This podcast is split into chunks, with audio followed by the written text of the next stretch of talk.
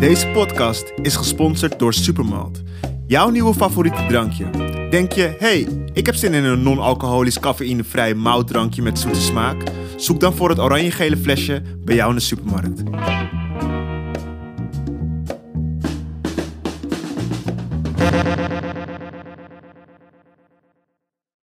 Welkom bij de Late Night Talk podcast War on Racism deel 2. Uh, deze serie is eigenlijk een beetje begonnen naar de storm aan solidariteit naar aanleiding van de moord op George Floyd. Um, we hebben toen heel veel mensen gesproken om uh, racisme te ontleden, uh, wat het eigenlijk betekent en hoe, je dat, hoe, dat zich, hoe dat doorsluipt in onze samenleving.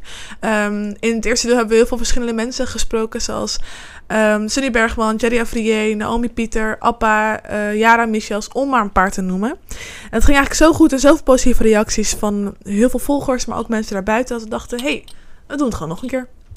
Uh, deze keer uh, met allerlei verschillende onderwerpen, waaronder dus de aflevering en het onderwerp van vandaag. En dat is framing in de media. Wat is het? Hoe kunnen we het herkennen? Um, en ja, hoe kan je dat eigenlijk ook op een andere manier doen? Een niet negatieve manier. En op welke manier uh, herken je racisme ook daarin?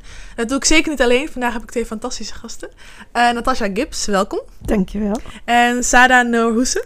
Dankjewel. Welkom. Dank je. um, hoe is het met jullie eigenlijk? Dat is altijd een goede vraag om mee te beginnen. I'm tired. Tired. maar echt moe. Ja. Ja. Ja? ja. Maar ook hoopvol. Ik weet niet. Of is dat heel Ja, Disney-achtig het is een beetje een mix. Een tijdje geleden zat ik bij eh, het veelbesproken racismegesprek. En toen werd ook die vraag gesteld van... Ja, die protesten en zo. En eh, wat, hoe voel je je daarbij? En ik merkte wel van... ehm, kijk, ik denk dat, voor, dat het voor een aantal mensen die dit voor het eerst doen... die voor, zich voor het eerst bezighouden met eh, antiracisme... met demonstreren, met hierover nadenken... dat het dan eh, het heel hoopvol voelt. Hè? Omdat je dus eh, voor het eerst iets, het gevoel hebt... ik doe iets, weet je Mm. wel? Ik denk voor heel veel witte mensen ook vooral die jonge mensen die zich nu denken van nou, ik heb het gevoel dat ik, dat ik ook iets kan doen. Mhm. Maar als je hier al een hele tijd mee bezig bent, dan is het wel een soort herhaling van zetten. Die ehm, eh, eh, enerzijds vind ik het, er is absoluut een verschil met een, met eh, bijvoorbeeld, hè, er zijn meer van dit soort golven geweest. Er is natuurlijk het verschil is dat het wereldwijd is, dat nu ook witte mensen zich verantwoordelijk voelen voor ehm, actie. Eh, of het nou is jezelf onderwijzen of anderen ondersteunen. Ehm, ik ben als hoofdredacteur van One World, ehm, eh, heb ik ineens eh 4000 volgers erbij op, op Instagram, waar ik niks deed. Mhm. Dat zijn allemaal, hè, tonen, dat soort dingen tonen aan dat er beweging is. Maar tegelijkertijd, als je er dus heel lang mee bezig bent, heb je wel het gevoel van het mag naar een ander niveau. Het, mag, hè, het, het niveau mag beter, hoger, effectiever. Eh, wat doen we met beleid? Wat doen we met eh, de media waar we het vandaag over gaan hebben? Ehm, daar zie ik nog niet zoveel beweging, eerlijk gezegd. Behalve ja, dat bijvoorbeeld ook hè, de Johan Derksen die dan. eh, ehm, eh, of, of, of dat, VI. hoe heet, hoe heet dat flipprogramma ook weer? Inside. Ja. Dat ze, dat ze, nou ja, stopt niet. Hè. Ze hebben natuurlijk ook gewoon een zomerstop, laten we wel wezen. Maar dat ze, dat adverteerders zich daar ehm, bij terugtrekken en zo. Dat was natuurlijk eerder niet het geval.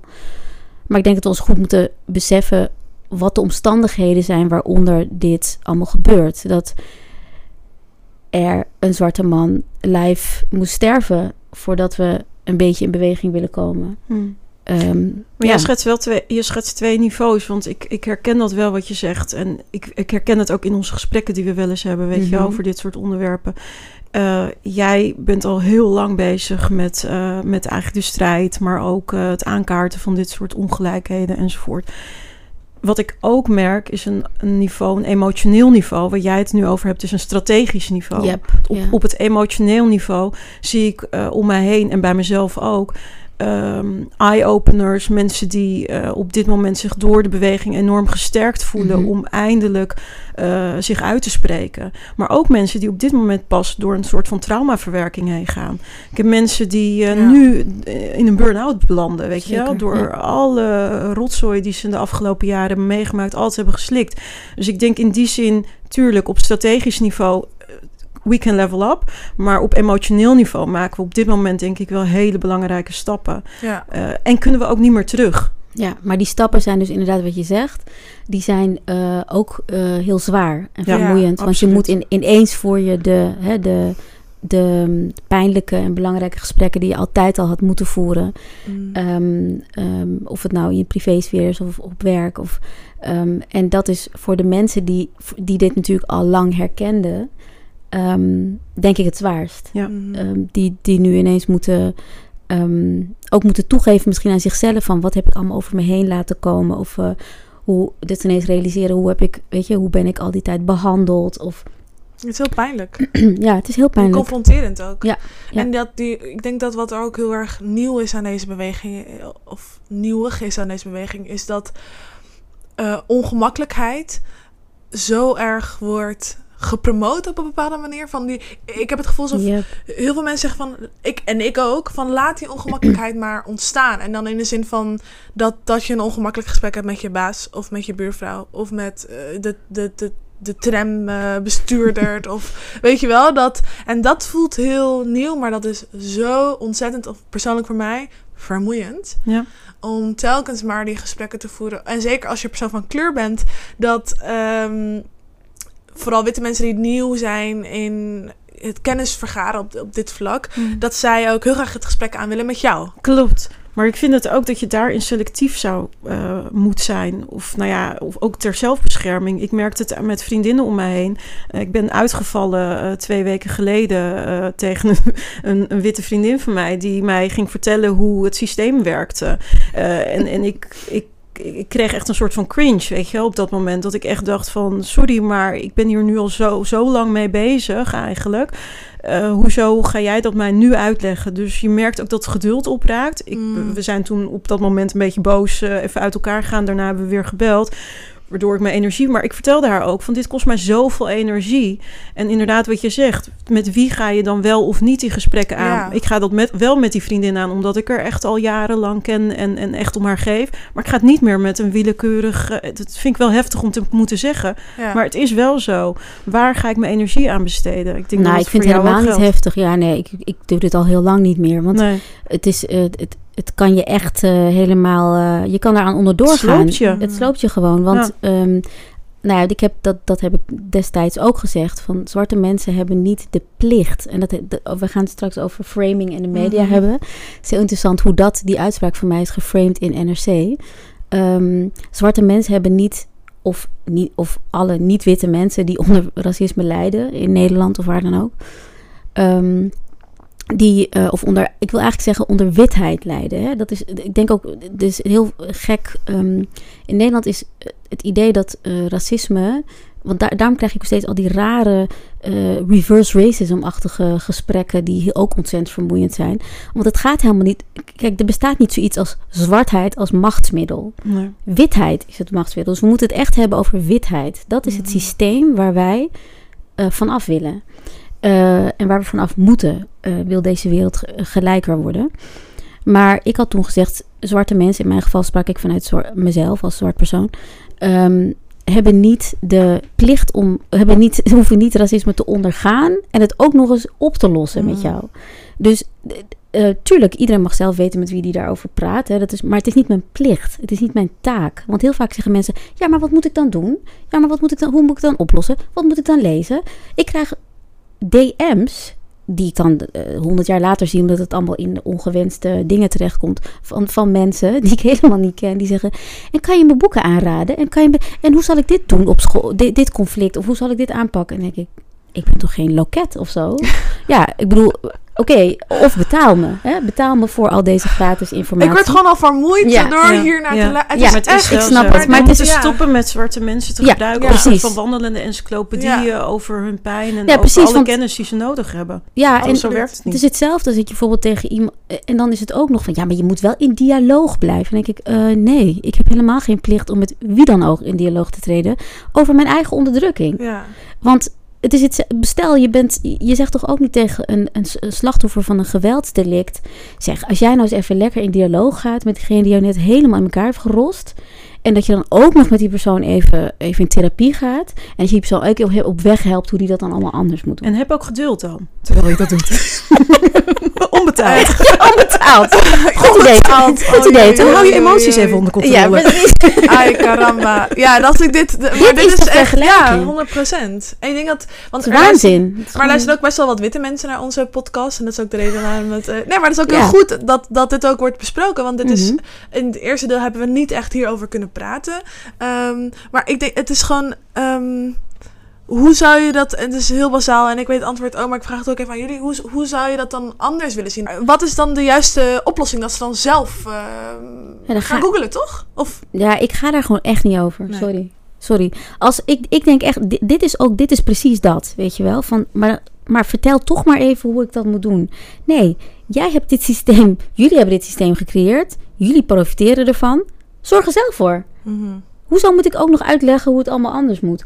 Of geef mij de, het geld, de macht en de middelen om dat te doen. Maar Ik zonder, al, zonder al die dingen Ja. ga ik niks doen. Nee, ik geloof wel in het laatste. Want ik, blij- ik geloof wel in inderdaad van eh, hoe kunnen we het inderdaad oplossen. En, en, en dat soort gesprekken en educatie, informatie. Ja, maar Absoluut, niet maar wel zonder dat ik betaald. die. Nee, maar en ook niet zonder dat ik de positie heb Exact. om mijn positie te veranderen. Ja. Ik ga dat niet doen in een positie van onderdrukking en marginalisatie. Klopt, maar dat bedoel ik met het betaald en de positie en het erkend hebben en dat jouw tijd dus ook kostbaar is. Want daardoor kun je ook de systemen creëren waardoor jij beschermd wordt, waardoor je serieus genomen wordt. Ja. Maar zodra het, zolang het gebeurt in achterafkamertjes tussen koffie drinken en af Ja. en toe een keer aanschuiven aan Nee, maar de tafel. betaald, betaald is ook niet alleen maar. Hè, je wordt ingevlogen, je, bent, eh, je geeft een consultje en je moet weer weg. Nee, ik wil Een dit systeem. positie. Nee, ik wil dit systeem mede eh, eh, vormgeven. Hm. Snap je? Hm. Als ik als buitenstaander steeds word behandeld, maar ik moet jou wel leren hoe je dingen anders moet doen, dan blijf ik een buitenstaander in dat Mhm. systeem. En dat is wat er eigenlijk bazaal moet veranderen. Ja. Dus die, wat ik wilde zeggen over framing, hè, dat werd in NRC beschreven als Saada Nurhussein. En trouwens ook uh, Kuntarincho, die zat ook in die, in die uitzending. Want we waren het daarover eens. Vinden dat het geen zin heeft om witte mensen, om informatie over racisme. Dat is helemaal niet wat we zeiden. Wij zeiden, het is niet onze taak om dat te doen. Dat is een verschil. Hè? Mhm. Natuurlijk heeft het zin. Kennis heeft altijd zin. Maar het gaat er wel om hoe wordt die kennis verspreid en wie wordt daar vervolgens voor, eh, eh, voor beloond. Ja. Daar gaat het eigenlijk Ja. om. Ehm, wij gaan het ook in een andere aflevering hebben over white allyship, wit, bondgenootschap. Wat is het werk van een witte bondgenoot? Eh, hoe moet diegene dat gaan doen? En niet alleen maar like, like, eh, post dit en eh gebiedende wijs maar dingen gaan lezen. Maar wat is het interne werk? Wat is het ook wel voor een deel het spirituele werk? Ehm, daar ga ik het over, over hebben in een andere aflevering. Vandaag willen we het heel graag gaan over framing. Je begon er al een beetje over. Ik denk dat heel veel mensen en ook mensen om heen op zich wel kunnen herkennen wat, wat het is en wel een beetje weten wat het is. Maar toch wil ik het ook aan jullie vragen van, ehm, ja, wat is framing eigenlijk in de media? En Nou, ik heb er geen, eh, niet per se een definitie van, maar ik denk dat je het bijna kunt zien als, kijk, een frame is gewoon een, een, een kader. Het is een, zeg maar, ehm, je kan het bekijken als een, als een fotolijst. Mhm. Dus ehm, je, je pakt een, eh, een, een, een, een afbeelding en je, je pakt een, een kleiner fotolijst en je zegt: Dit stukje van deze foto, dit stukje van deze werkelijkheid ga ik alleen maar uitlichten. Het is een beetje hetzelfde als dat je bijvoorbeeld, hè, iedereen kropt zijn foto's wel eens en die denkt van, nou, even van die, eh, die rol op mijn rug af en even van die, eh, van die, eh, de, die vervelende vriendin waar ik niet meer tegen praat, die er ook even Oh, is dat wat uitknippen je doet? Ja? ik, ik niet, ik niet, uiteraard. Ik uiteraard niet. Maar, hè, en die ex die, waar ik niet meer tegen praat, die ook even eruit gesne- gesneden. Dit is de werkelijkheid die ik wil Ja. tonen. Ja. Dat is wat framing is. Framing is zeg maar eh, eh, eh, maar een stuk van de werkelijkheid belichten en ook een heel selectief ding en de context weglaten, waardoor er een heel, ehm, eh, eh, ehm, hoe zeg je dat? Een, een, ehm, Verstoord? ja, eigenlijk een vertekend beeld van de werkelijkheid naar buiten komt. En eenzijdig. En een eenzijdig Ja. beeld. Zo kan ik het het simpelst uitleggen, zeg maar. Dus dat je echt een, een, een frame, een kader, een lijst legt op de werkelijkheid en al het andere dat er ook bij hoort weglaat. Mhm. En, daarmee, en daar dus ook specifieke dingen voor kiest. ehm, eh, die dat ene deel van de werkelijkheid wat je wil tonen als de werkelijkheid eh, laten zien.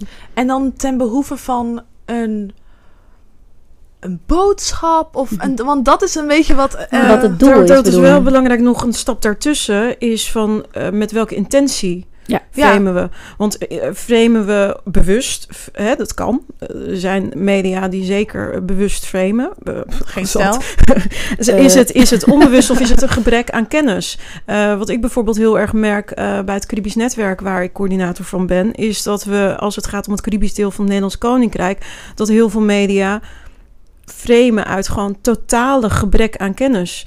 Eh, maar ook luiheid. Gewoon geen eh, effort, geen expertise, eh, geen zin hebben of middelen willen besteden aan het uitbreiden van je kennis. Om er zo voor te zorgen dat je een eerlijk frame hebt, een, een, een, open frame eigenlijk, met betrekking tot het Caribisch deel van het Nederlands Koninkrijk. Ja. Dus er zijn verschillende factoren Ja. die een rol spelen in waarom frame je. Dat is ook wel belangrijk om mee te nemen. Nou ja, het is denk ik niet alleen maar eerlijk. Het gaat er ook om dat je eigenlijk de nieuwsconsument ehm, eh, cruciale informatie ontneemt. Ja. Om, om een goed beeld te hebben. Een volledig er- beeld. Een volledig beeld te hebben van wat er aan de hand is. Bijvoorbeeld, ehm, we hebben allemaal net eh, het waarschijnlijk wel gehoord over het sluiten van de school, de club Mhm. in Amsterdam-West. Mhm.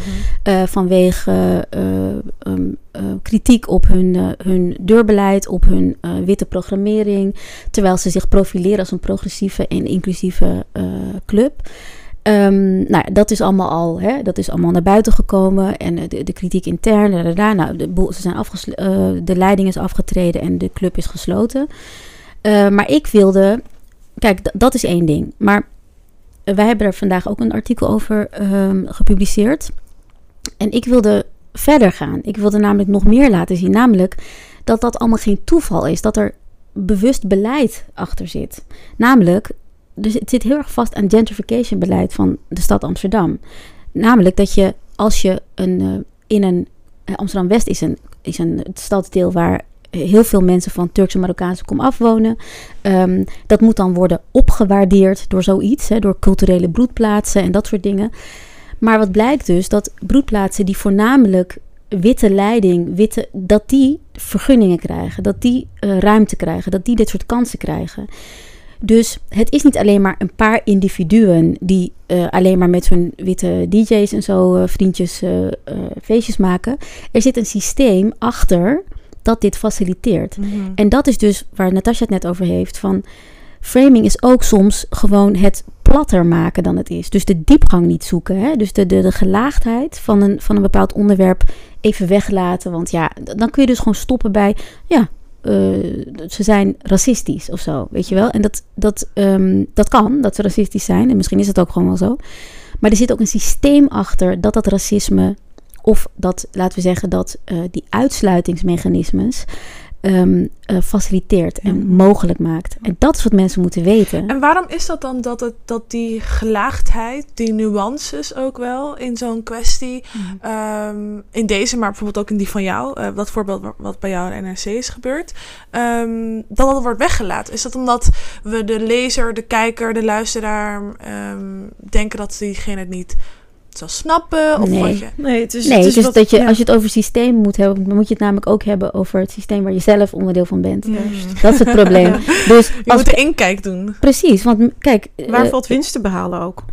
Dat is ook een goede vraag. hoe ik. bedoel je? Nou, als je kijkt naar bijvoorbeeld eh, waarom maken we bepaalde redactionele keuzes, scoren. Mhm. Eh, we maken bepaalde redactionele keuzes, hè, omdat het eh, zo altijd al is geweest. De eilanden, ik blijf er toch eventjes Mhm. bij, zijn Ja. altijd al corrupt. Hè? Dat Ja. scoort in de Telegraaf, lezen we heel veel over corruptie op de eilanden. Mhm. Dat is iets wat we gewend zijn en we zien de eilanden daarom ook niet als anders.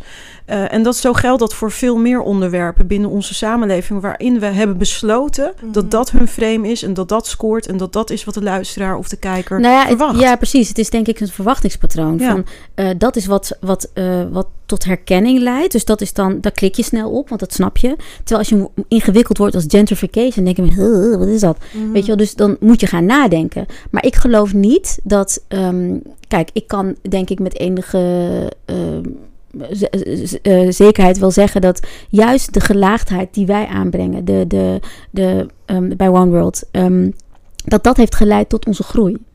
Hè? Dus juist dat we dat, dat platte, dat, dat eh, eendimensionale, dat simplistische niet doen. Wat je dus in heel veel andere media, mainstream media, wel krijgt. Dat dat is wat mensen zoeken. Dus ik vind het een onderwaardering en een eh, onderschatting van, van mensen in het algemeen. En daar hoef je echt niet eh, een universitaire opleiding voor hebben, te hebben gehad of wat dan ook.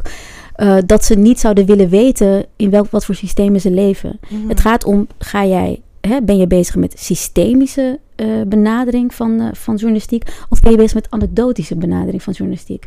Dat, dat is gewoon een keus. En het is ook, ik geloof dus echt niet dat iedereen zit te wachten op simpele...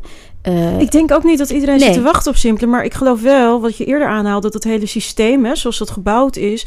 Kijk, we investeren steeds minder, of ook vanuit de overheid, Mhm. in onderzoeksjournalistiek. We Ja. investeren steeds minder, eh, überhaupt als het gaat om het Caribisch deel van het Nederlands Koninkrijk. Er is totaal geen investering eh, in nieuws, eh, nieuwsvoorzieningen voor deze delen van het Koninkrijk.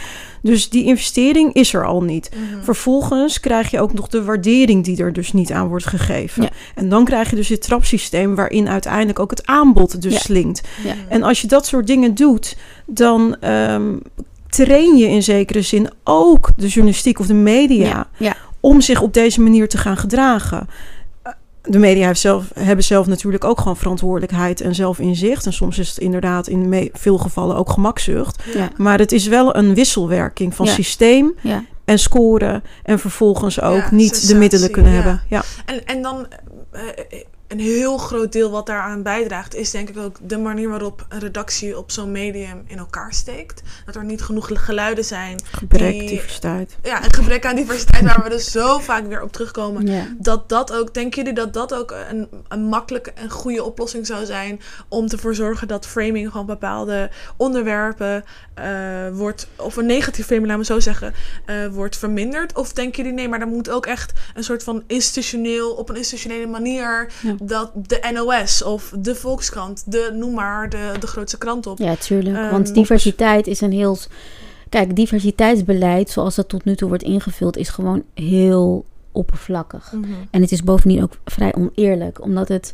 eh, het is zo van, nou ja, we hebben toch dat poppetje en we hebben toch die persoon. En, we, en dat zijn ook altijd, hè, dat zijn altijd maar een paar mensen die dan vervolgens een, een enorme verantwoordelijkheid in de schoenen geschoven krijgen om alles te veranderen. Dat kan helemaal niet. Daar ga je, daar ga je aan onderdoor. Dat is, dat is gewoon, het is oneerlijk, het is eh, onrealistisch.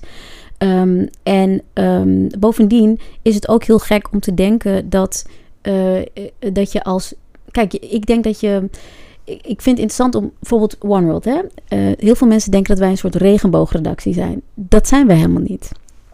Laat ik, dat, mensen moeten dat echt begrijpen. Omdat ik als uithangbord een zwarte vrouw ben, wil niet zeggen dat ik werk, werk met twee witte eh, eindredacteuren. Ik werk met een, ehm, met een ehm, half. Nou ja, goed, ik ga niet iedereen. Maar goed, eh, dus er is wat diversiteit, maar het heeft absoluut niet de overhand. Ja, dat, Absoluut dat wilde ik ook naar vragen. maar, wat is er gebeurd, maar wat is er gebeurd? Ik heb een framework neergelegd. Zo gaan wij werken. Zo gaan wij met taal om. Zo gaan wij met, met perspectieven om. Zo gaan wij met invalshoek om. Dit, is de, hè, dit zijn de, de, de. We hebben gewoon een set. eh, een, een werkwijze. Die ervoor zorgt dat gemarginaliseerde perspectieven ruimte krijgen. Mhm. Dat, we, dat we alles wat we doen. gericht is op systeemverandering. Gericht is op in ieder geval systemen blootleggen. Dat is gewoon een werkwijze. Snap je? Maar en die werkwijze breng ik wel met mezelf mee. Ja. Maar die zou iemand die wit is ook met zich mee kunnen brengen. De, de auteur van het stuk over de school is een witte jongen. Hè? Dus het is niet... Bijvoorbeeld, een, je hebt het net over bondgenootschap. Wij hadden een stuk begin van het jaar... wat nog steeds rondzinkt... over hoe ben, word ik een goede bondgenoot. En dat heb ik... Toen was het eerst was het van... Nou, misschien moet dat vragen aan mensen die lijden onder racisme... of validisme of seksisme of wat dan ook. Toen zei ik, nee, we moeten het hebben... eh, we moeten dat vragen aan iemand die wij een goede bondgenoot vinden. vinden. En die moet gaan uitleggen welke weg die persoon heeft afgelegd. Mhm. Dus dat is gewoon geschreven ook weer door een witte jongen.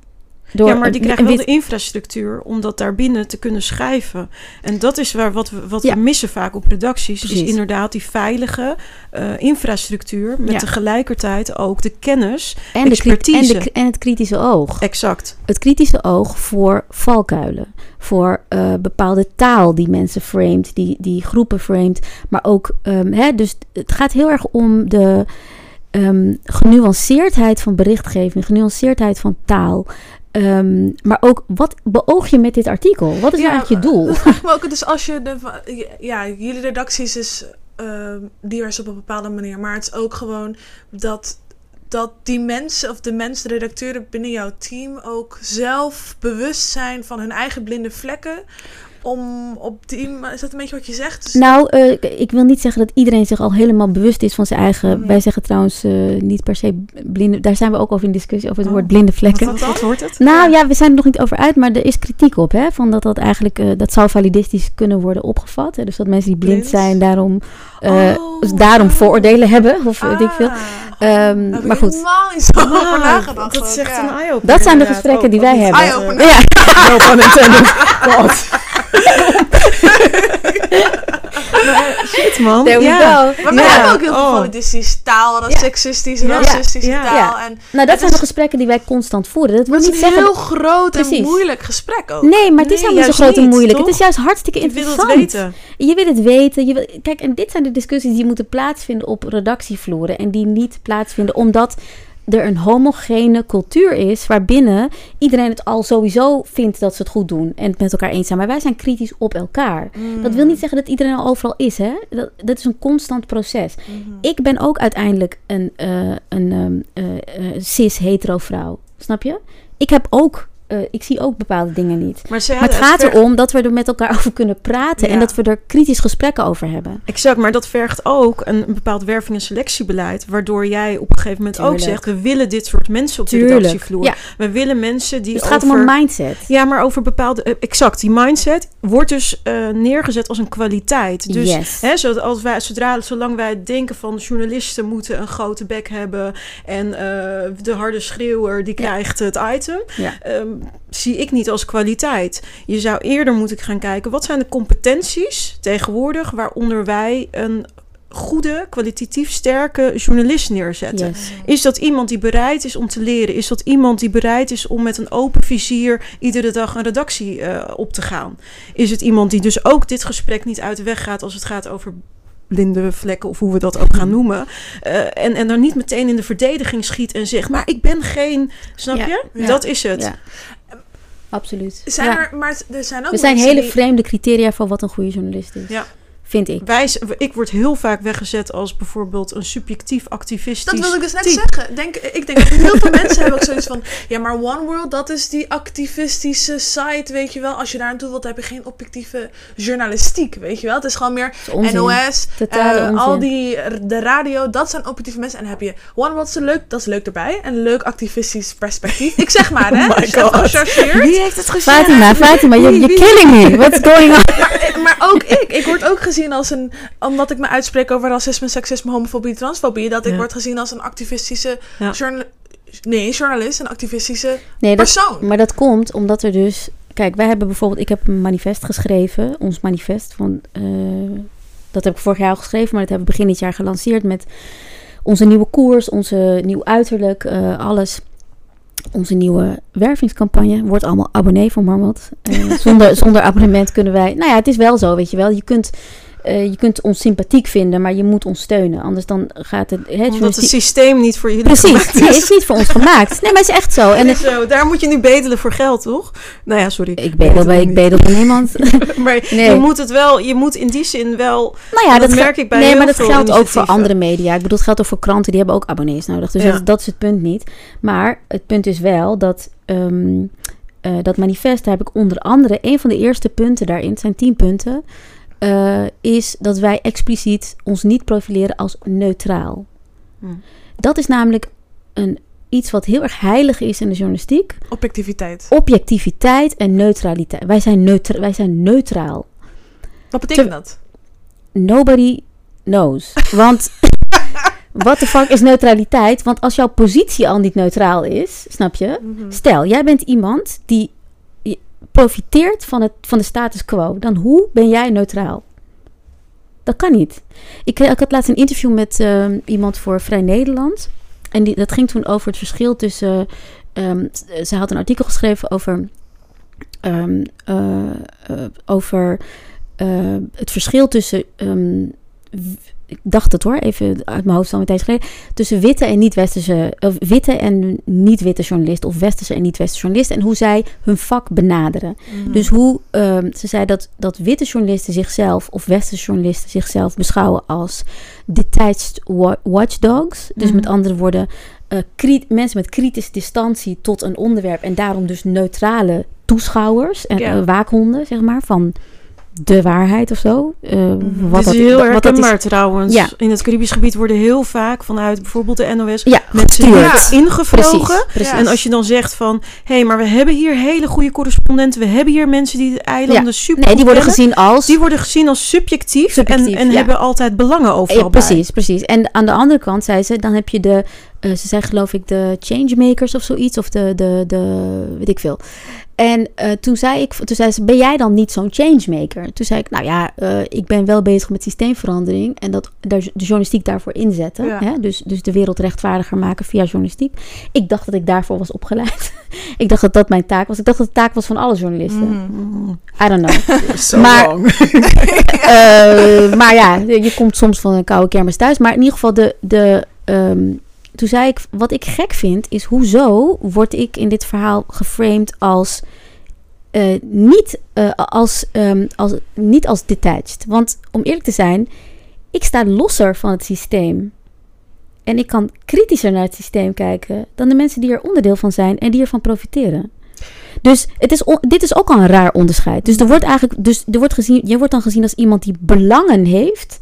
Maar ja, ik heb belangen bij verandering, maar ik heb niet belangen bij het systeem zoals het is. Dus wie is er nou eigenlijk eh, ehm, more equipped Ja. om eh, dat systeem kritisch te benaderen? Degene die er van profiteert of degene die niet, niet van profiteert? Ik denk andersom. En maar dat, is het dan een soort van, Natasja, ook aan jou, is het dan een soort van angst of zo? Want als we specifiek naar de Cariben kijken en Mhm. wat jij ook zegt van dat, ehm, dat de NOS of, nou ik noem Ja, de NOS, maar het zou elke medium Ja. kunnen zijn, ehm, ehm, naar zo'n gebied gaat omdat ze denken wij hebben die afstand, wij weten wel beter hoe dat daar speelt. Is dat een bepaald wit arrogantie? Absoluut, tuurlijk. Zeker, 100%. Ja, nee, daar, Ja. daar kan ik niet. Dat is een arrogantie. Het is een suprematie, een manier van kijken naar andere werelden, naar andere eh, eh, mensen, als dat zij niet in staat zouden kunnen zijn om goede journalistiek te bedrijven. Het is een ontzettende Of om vorm hun eigen situatie te analyseren. te analyseren. Maar, maar dat komt al voort uit het koloniale eh, tijdperk. waarin we 100%. vinden dat wij hier vanuit het Westen wel eventjes gaan leren aan de rest van de wereld hoe ze daar de journalistiek moeten. hè, maar laten we wel bedrijven. wezen, het is ook gewoon beschermen van belangen. Hè? Het is ik bedoel, absoluut een politieke Vanuit daar zal natuurlijk een heel ander Ja. verhaal verteld worden. Nou ja, sterker nog, eh, wij schrijven dus hè, bij Caribisch Netwerk eh, heel veel over misstanden binnen het Nederlands Koninkrijk eh, als het gaat om het Caribisch gebied. Dat lees je nergens anders. Je leest nergens anders dat bijvoorbeeld eh, de bijzondere gemeente van Nederland, en dan heb ik het bijvoorbeeld over Sint Eustatius, een van de bijzondere gemeenten van Nederland, Caribische gemeentes, dat daar gewoon tijdens coronatijd er geen water uit de kraan komt. Daar zitten politieke belangen zit, liggen daar aan ten grondslag. Eh, in die zin dat als ze dat naar buiten brengt, de verantwoordelijkheid ligt in Den Haag. Maar het balletje gaat pas rollen als daar eh, verhalen naar, over naar buiten komen. De media is het krachtigste instrument eh, in onze samenleving. En zodra je dus die stem weghaalt of niet geeft aan bepaalde delen in je koninkrijk, dan heb je dus eigenlijk een oneerlijke samenleving waarin de democratie helemaal niet tot zijn recht komt. En dat deze mensen dus helemaal niet gehoord worden en er geen haan naar kraait. En dat is ons probleem wat dat betreft. Dus ik denk dat, eh, dat wat, wat Sada ook heel terecht zegt, het is niet alleen maar een kwestie van, eh, ja, we hebben er eh, geen expertise in. Of we, het is echt een politieke Ja. keuze. Want als we kijken ook naar de besteding van gelden van het kabinet als het gaat om bijvoorbeeld regionale nieuwsvoorzieningen. Je zou met alle ehm, logica zou je kunnen zeggen, het Caribisch deel van het Nederlands Koninkrijk, daar zouden ook gewoon regionale gelden voor vrij moeten worden gemaakt. Waarom is dat niet zo? Want het is een gemeente. Het is, Het is gewoon onderdeel van, van Hoe Nederland. kan dit? Mm. hoe kan het zo zijn dat de mensen daar nog steeds worstelen om überhaupt eh, publieke omroep te kunnen ontvangen? Maar wat moeten we daaraan. Wat, wat, wat, is, wat moet er gebeuren om die urgentie daar. ehm, te brengen en ook vast te stellen van dit, dit, er moet verandering komen. Hoe, hoe en spe- specifiek ook in het geval wat jij nu schetst. Ehm, als het, welke, welk bewustzijn en waar moet dat bewustzijn gecreëerd worden om die verandering teweeg te Ja, om brengen? heel eerlijk te En misschien zijn, heb je dat antwoord niet hoor, het is een groot antwoord, maar Ja, om heel eerlijk te zijn geloof ik niet dat er geen bewustzijn is. het is er wel. Het is er wel. Ja. Maar Dit- dit- don't give a fuck Dit is gewoon macht. Dit is gewoon macht. Luister, wie de, de, de informatiestroom in handen heeft, heeft macht. Dat is de reden dat, dat eh, onlangs eh, ik op de radio ben uitgemaakt eh, voor racist door Marcel van Roosmalen. Die beweert dat ik hem er, eruit gewerkt heb bij OneWorld. Hij was columnist bij OneWorld. Vlak voordat ik aantrad. Ik heb daar helemaal geen, niks mee te maken gehad. Ik kende die man helemaal niet. Ik, wist ik had geen idee wie hij was.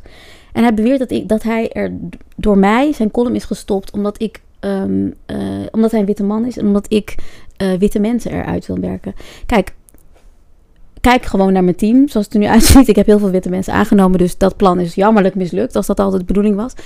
Ehm, en eh, dat is onzin. Kijk, wat daar gebeurt is dat je ziet dat een witte man heel bang is dat er een zwarte vrouw is, een autonome zwarte vrouw, in een beslis, beslissingsbevoegde positie. Dus het idee dat ik hem had kunnen ontslaan, houdt hem al 2,5 jaar wakker, blijkbaar. En dat is dus. Kijk, Hilversum of de kranten of wie dan ook, die willen gewoon die macht in handen houden. Dus laten we niet naïef doen over dat ze het niet snappen of niet weten wat er dan anders moet. Nee, luister. Diversiteit, daarom had ik het over diversiteitsbeleid, is onzin. Want het gaat nooit om mensen die in een positie komen waarbinnen ze dingen kunnen, kunnen veranderen. Snap je? Kijk, bij Warmond hebben ze ervoor gekozen om met mij in zee te gaan. En toen is er ook een hoop veranderd. Mhm. Omdat ik op een positie ben dat ik dingen kan beslissen. En dat is wat er moet veranderen. Je- Ja. je, kunt niet homogeen verder gaan en een paar mensen van een andere eh, etnische achtergrond of zo ertussen zetten. En dan, die moeten dan met al dat geweld en al, dat, al die vooroordelen en al die moeilijke gesprekken, en zo, daar moeten ze, Ook nog worden ze onder bedolven eh, en dan moeten ze ook nog alles veranderen. Nee, maar ik... Ja, Ja, nou, om maar even terug te komen ook op wat je eerder vroeg van ja, hoe kan dit en hoe kunnen we dit veranderen? Ja, want, dat- want die macht, hè, die floreert op structuren. En structuren is gewenning. Eh, want dat is wat we, wat we weten. En daar hebben we altijd succes. Hè? Never change a winning team is altijd het idee in dit geval. Eh, Ja. Heel jammerlijk. Ja. Maar inderdaad, want als bijvoorbeeld het Caribisch deel van het Nederlands Koninkrijk aan bod komt in een of ander item, dan hebben we dat gedaan. En dan vinken we het af Mhm. en dan zijn we er klaar mee. Dan hoeven we, en als het vaker dan eh, een paar keer voorkomt in een week, pff, nou, is wel veel hoor. Eh, Ja. We zijn nu wel klaar mee. Want we zijn dat niet gewend. Ja. En we zijn die structuren niet gewend. En we willen eigenlijk niet zo graag veranderen. Want dan moeten we een deeltje van onszelf inleveren. Dan moeten we verdiepen. En dat betekent, als we moeten verdiepen en andere mensen moeten gaan aankijken van hoe kunnen we dit in gaan richten, dat we ons kwetsbaar moeten gaan opstellen Ja. als media. En dat is waar het probleem ligt. En dat is die machtsstructuur ook. Want dat betekent Nou ook ja. dat er sommige mensen op plekken moeten verdwijnen. Ja, en sowieso. ruimte moeten gaan maken. Ja. Dat is het enige, hè? Dus het is niet van mensen erbij halen. Nee, mensen Ruimte die de, maken. Mensen moeten weg. er moeten mensen weg. Dat is het enige. Denk je dat het gaat gebeuren? betekent gewoon, je, je moet posities opgeven. Je moet weggaan. Je, bent, je zit er lang genoeg. Je hebt bewezen dat je niet kan. Maar verwachten jullie dat? Verwachten jullie dat? Eh, nou, ik denk wel dat bijvoorbeeld, wat ik interessant vind, bijvoorbeeld laatst toen ze dat racisme-debat hadden op, eh, ik weet niet welke zender met Jort Kelder. NPO. Wat natuurlijk een, ja, NPO. Wat natuurlijk totale aanfluiting en een, en, en een, een, een- ja, gewoon eigenlijk een middelvinger is naar het hele onderwerp. Eh, dat, dat, ehm, eh, eindelijk dacht ik, eindelijk, dat mensen zeiden, weet je wat? De meeste mensen die normaal dan wel zeggen, nou, ik schrijf wel weer aan bij zo'n programma en ik ga wel weer uitleggen hoe dat, die zeiden, weet je wat? Kom gewoon niet. En sterker nog, er werd een alternatief bedacht. Het racismegesprek. Precies. En dat geeft aan die macht die je terug kunt pakken. Nou ja, Jawel, ja, nee, zeker. Ja, terug kunt pakken. Maar in dit geval was het natuurlijk wel, hè, laten we wel wezen, eh, het was online, het was Ja, niet op tv. Precies, maar hè? dat is het dus, dus. Dus het is natuurlijk niet een gelijke eh, macht, hè? Laten we daar. Het is, het is niet gelijk, maar, maar... precies, je kunt wel zeggen, ik doe niet mee aan jouw spel. Exact. En dus je moet eigenlijk. Maar je, moeten we dan massaal gaan boycotten? Nee, is dat een niet per se. het, het ding? Of is- Nee, we moeten ons focussen ook op eh, kanalen waar we... wel een beetje nu hebben- boycott hoor. Een beetje boy... Oké. Je moet, je, het is Je goed moet om niet een signaal Ja, je moet niet in hoeft niet mee te gaan. structuren Nee. gaan zitten. Als je ergens niet in gelooft, moet je dat gewoon echt absoluut niet gaan doen. Absoluut. Dat is ook toxic en giftig. En daarmee ondermijn je eigenlijk waar je jezelf aan de andere kant mee aan het bouwen bent. Maar het is wel zo dat we in een tijdperk leven, gelukkig, waarin we niet meer volledig afhankelijk zijn van uh, eh, NPO bijvoorbeeld. We kunnen ook zeggen, we bouwen onze eigen structuren. Mm. Uh, veel jonge mensen uh, doen dat nu. Zoals, er zijn, zoals, het, zoals wat er hier gebeurt. Gewoon je eigen platform bouwen. Maar dan moeten we ook de krachten gaan bundelen. Dan moeten we er ook voor zorgen dat we elkaar niet gaan afvallen, maar dat we daarin ook samenwerken. Ja, het is toch wel goed dat je dat zegt, want ik heb ook wel. Um, er zijn heel veel mensen zoals wij. Um, en mensen die ook groter en verder zijn. Um, mensen die bezig zijn met hun eigen geluid en, en de, het heft in eigen handen nemen. Maar toch is er toch dat gevoel, en dat, wat ik ook net zei over One World, van oh, maar we moeten, we moeten wel ervoor zorgen dat Hilversum en de mensen met macht ons wel lief nee, nee, ons serieus nemen. dat we op hetzelfde veld Nee, nee, nee, nee, ik herken toch wel. Nee, man, break the mold. Break the mold. Gewoon je eigen ding doen. Eh, serieus. Kijk, ik denk dat heel veel, wat heel veel mensen zich niet realiseren, is dat de mensen in Hilversum, de mensen bij uh, de gevestigde media, echt niet meer weten wat ze moeten doen. Dus die lopen achter. Die lopen enorm achter. En dat weten ze. Dus hè, de, de, zeg maar de aanval op mensen zoals ik, op uh, Dipsaus, op um, Sabrine en Gabire. Je, je hebt daar, volgens mij wilde je daar ook nog even over hebben. Ja. Dat zijn dat zijn stuiptrekkingen van media die weten dat ze ingehaald worden. Dus je moet niet bezig zijn met het pleasen van de gevestigde orde. Want de gevestigde orde, die, ja, die weet helemaal niet wat wij aan het doen zijn. Die snappen het volgens mij ook voor een deel ook niet. Dus je moet gewoon je eigen ding doen. En daarmee doorgaan. Je moet niet bezig zijn met waar je wel, waarvan ik wel, wat ik wel vind, is dat wij niet alles alles op eigen kracht moeten doen. er, zijn, er is publieksgeld en, daar hebben wij ook recht op. Ja. Tijdens in koor. dit is niet uh, ingestudeerd. Nee. Uh, het is echt zo. Want... Snap je? Dus dit is het ding van uh, een programma zoals dit. Een, een, medium als One World. Um, wij hebben recht. Wij zijn onderdeel van deze maatschappij. En hè, vrije media, persvrijheid is een recht van iedereen in deze samenleving. Dus wij moeten wel een stuk van de taart krijgen. En de taart bedoel ik, het belastinggeld wat wij allemaal betalen, mag niet naar Jort Kelderse Bretels gaan. Mhm. Snap je? Of zijn nieuwe Austin Martin. Dat is het ding. Dus ik denk, we moeten ons eigen ding gaan doen. Je moet niet gaan. Het heeft helemaal geen zin om te denken, ja, ze moeten ons ook aardig vinden. Of ik moet ook gerespecteerd worden of wat dan ook. Wat jij zei over dat mensen van Warmwood vinden dat we activisten. Ja, prima. Het interesseert me eigenlijk helemaal niet. Mm ja, maar, want, dat is, want we hadden het net kort over objectiviteit, uh, neutraliteit. Het is ook wel de, de connotaties die wij geven aan deze woorden. Of deze woorden nou überhaupt zouden moeten bestaan, is nog, nog iets anders. Mhm. Maar het, het is ook misschien ergens decolonizing your own mind. als als zwarte maker. Dat je denkt van, hé, hey, maar... Ik, twijfel dan soms ook wel. Ik denk van shit, maar misschien wat ik zei is niet helemaal object, uh, objectief of neutraal. En als ik dat. En, en objectief en neutraal zijn is eigenlijk negatief negatieve manier. Het is in dat witte frame passen, waarin er wordt gezegd van uh, binnen de maat lopen. Binnen de lijnen die wij hebben gecreëerd, ga jij lopen en je gedragen. Mm. Zodra jij daar buiten loopt, fluiten we je terug. Want anders krijg je niet de kansen, de mogelijkheden die wij hier voor jou hebben liggen. Maar dat zijn hele afgekaderde kansen en mogelijkheden ik moet wel zeggen, Sada, jij bent veel verder dan, dan ik in dit proces. Ik zit binnen Hilversum en ik merk dat het is een mentale strijd wat dat betreft Tuurlijk. ook. Het is een, een, een manier van denken, want vergeet niet, niet iedereen heeft die kracht en de mogelijkheden om inderdaad op eigen kracht ergens mee te beginnen. Dat, is, dat heeft te maken met een, een, een bewustzijn van jezelf. Dat heeft ook te maken met uh, het kennen van je eigen krachten en natuurlijk je ontwikkelingen. Ja. Dus dat is iets waar wij heel vaak ook doorheen moeten. Ja. En daarbij verlies je soms ook een klein beetje van je ziel, voor je mm. gevoel. Mm. En daarmee lever je ook in en je struggelt en je komt thuis en je denkt... ja, weet je, heb ik toch te veel geslikt dan ik eigenlijk wilde. En die stapjes die maak je langzaam voort. Maar daarom moeten we elkaar steunen. Hè? Dat wat jij eerder ook zei. Van er zijn heel veel. Kijk, weet je wat in Nederland gebeurt? En dat is ook gewoon echt een verdeel en heers. Uh, verdeel en heers. Ja, verdeel en heers uh, mechanisme. Dat, kijk, dat hele bijvoorbeeld diversiteitsbeleid is ook een verdeel en heers uh, um, uh, tactiek. Namelijk, je zet een paar mensen die alleen staan in zo'n organisatie tussen al die, en die moet dan daar zien te overleven. Ja. Die kan ook niet de armen uitstrekken naar mensen die hetzelfde meemaken, snap je? Dus daarom is het denk ik belangrijk, ook al zit je in je eentje in die structuur, er zijn anderen die hetzelfde meemaken. Praat met elkaar. Ehm, eh, overleg hoe je dingen beter kunt aanpakken. Overleg wat je Mm. samen kunt doen. Eh, Ja, maar het is echt heel pijnlijk wat je nu zegt. Het is heel Het, pijnlijk, is, ja. het is echt een systematische eh, f- ja, verdeling. Eigenlijk een soort van, ehm, wat was dat woord ook weer? Ehm, segregatie. Eh, wat al begint op de school van journalistiek. Ja. Waar je vaak al één of twee de enige bent tussen de 200 En je wil niet dat klikjes zijn, maar je wil je ook profileren. Precies. Je zit erin vast. ik wou wel een klikje zijn, Ja, maar het kon wel- niet. Ja, je wil, ja, maar kan niet. Weet je, Ja, je weet, maar je weet hoe het werkt. En, en het rottige is, ik zie jou dan in de gang lopen hè, eh, bij de omroepen.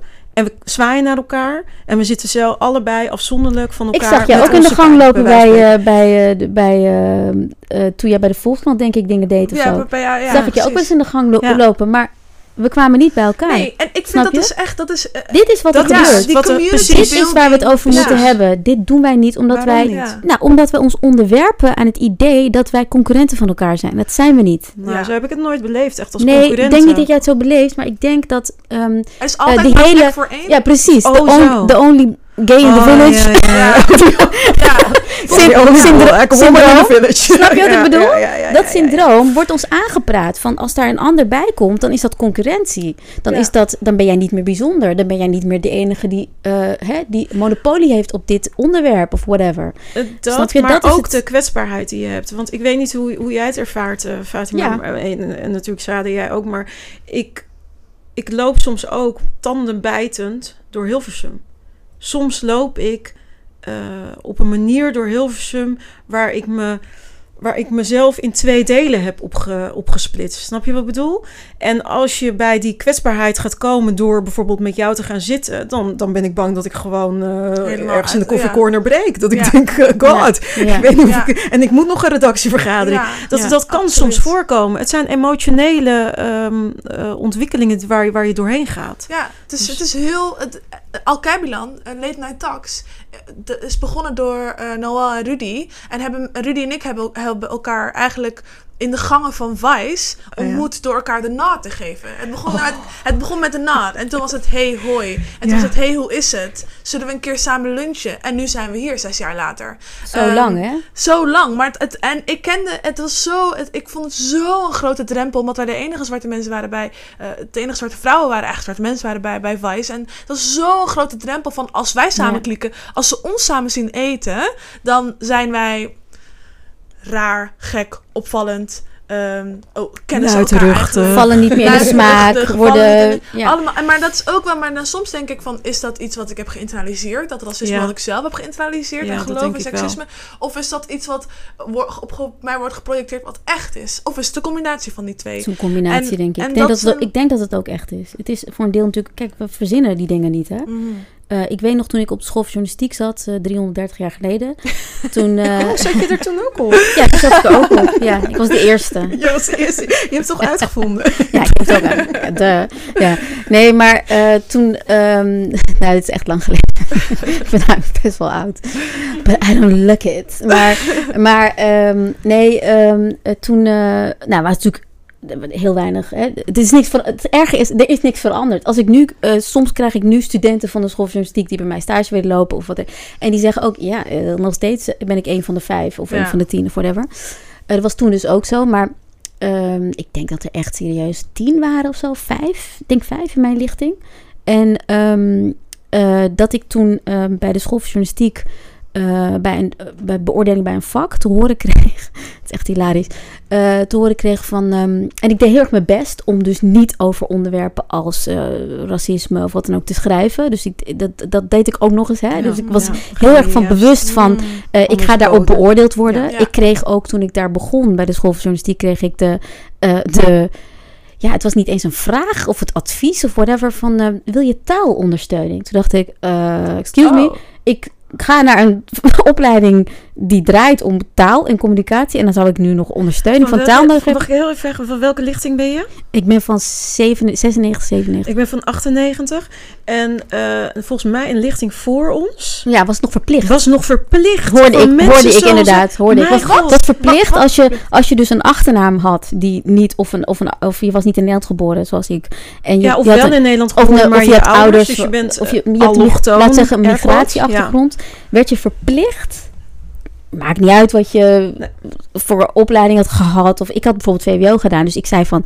Sorry, maar eh, ik zit hier sowieso een beetje onder mijn niveau. Dus ik weet, ik weet niet zo goed wat, dit, wat deze vraag is. Dus ik zei gewoon, eh, nee bedankt. Wat een rare, ik zei, een rare Dit is vraag. echt maar bij, die an- bij de mensen daarvoor was het verplicht dat als je daar op die school kwam Ja. en je had een migratieachtergrond, dan moest je Nederlandse taalondersteuning volgen. En besef, extra uren die je dus Ja, moet inzetten. die nergens worden gecompenseerd. Nee. En dus, dus betekent dat voor deze mensen dat hun studie Achterstand. Ja. achterstand opliep en veel langer duurde in zekere zin. hè? Ja, dus en, je werd en, op achterstand gezet. en veel zwaarder was. En dit is niet zo lang geleden. Dus ik heb dit nog meegemaakt. Toen was het nog een advies. Ja. In mijn geval dus. Maar ik liep echt zo van, hè, wat raar. Ik liep Nee. gewoon weg. En ik wist hier niks van. ik heb dat advies niet gekregen, gelukkig. niet- nee, nou, ik Oh, heb het dus nog. eh, ik, kreeg een, ik kreeg zo'n gesprek, Ja. precies. Maar, dus dat, dat is de context, hè, waarbinnen je dan binnenkomt. Ja. Nou, welkom.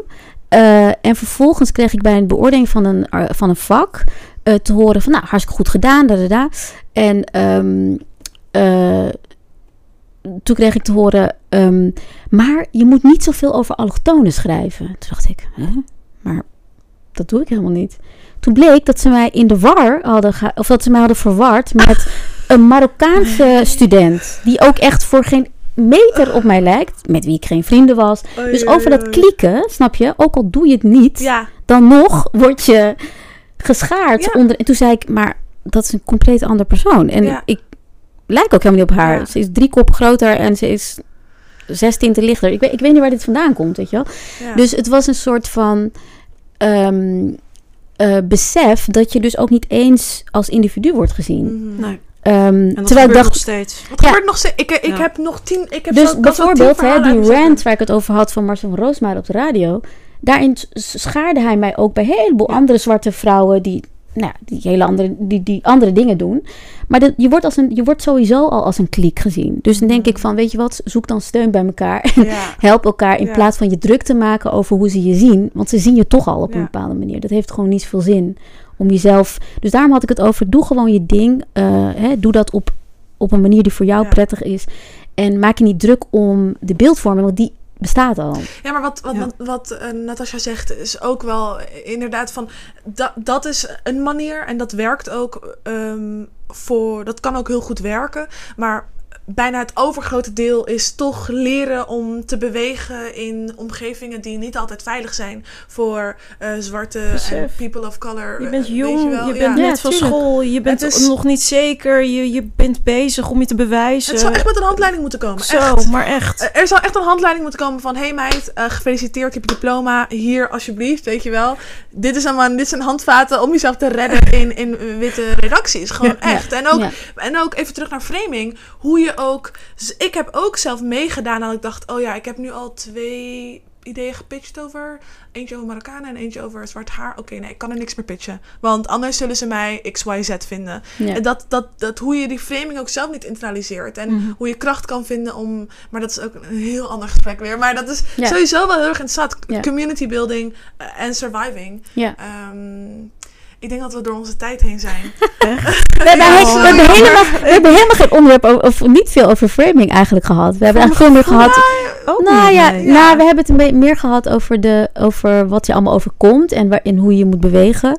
Maar framing is daar natuurlijk wel onderdeel van. Maar ik denk dat je daar eigenlijk nog een andere eh, aflevering over moet eh, Ja, maken. hoe dat er precies uitziet. ja, Ja. want dat is wel heel belangrijk. Hè? En ook hoe mensen het herkennen en hoe je het kunt debunken. Precies, en dat is echt eh, waar ik wil zo graag weer een tweede aflevering met jullie. Dat moeten we ook zeker gaan doen. Voor nu wil ik jullie zo erg bedanken. Natasja, Zayada, super, super Jij bedankt. ook super Jij bedankt. bedankt. Eh,